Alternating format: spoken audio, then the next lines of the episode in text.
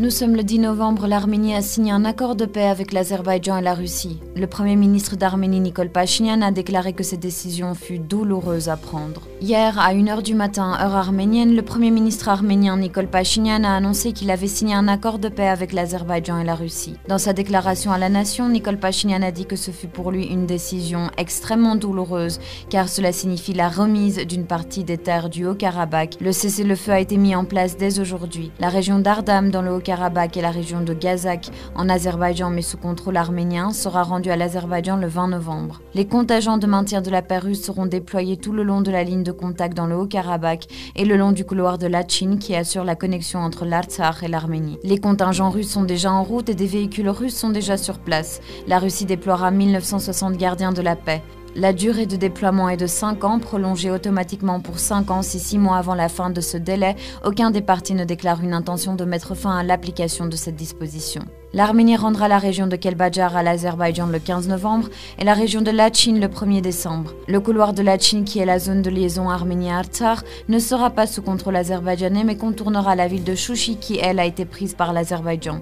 Les trois parties se sont également mis d'accord pour la construction d'une route le long du couloir de la Chine, assurant la communication entre Stepanakert et l'Arménie, toujours avec la présence des gardiens de la paix russe. Le projet doit aboutir en déant les trois prochaines années. Le bureau du Haut-Commissariat des Nations Unies pour les réfugiés prendra en charge le retour des réfugiés de l'Artsar sur leur terre.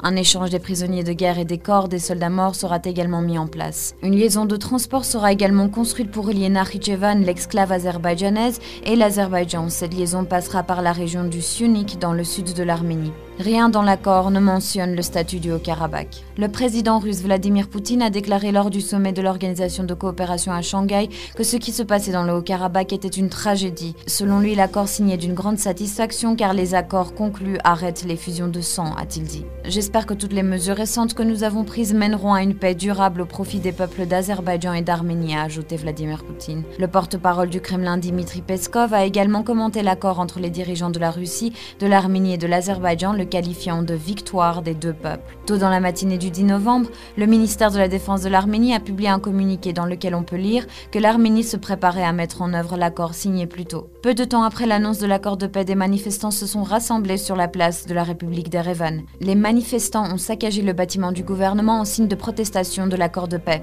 Les vandalismes se sont propagés dans d'autres zones de la ville. Des manifestants sont entrés dans le Parlement arménien et ont protesté devant la résidence du président arménien et du Premier ministre. Des coups de feu ont été signalés dans la capitale arménienne. Le président de l'Assemblée nationale Ararat Mirzoyan a été roué de coups après avoir été traîné hors de sa voiture. Il a été gravement blessé et a été hospitalisé mais son état est stable. Les manifestations se sont encore tenues durant toute la journée du 10 novembre dans l'Assemblée nationale. L'armée de défense de l'Artsakh a publié les noms de 81 soldats morts pendant les combats. Le nombre total de militaires tombés au combat depuis le début des hostilités le 27 septembre s'élève à 1302. La situation tant dans le Haut-Karabakh qu'en Arménie est en ce moment tendue et incertaine. Annie Paitian pour CivilNet.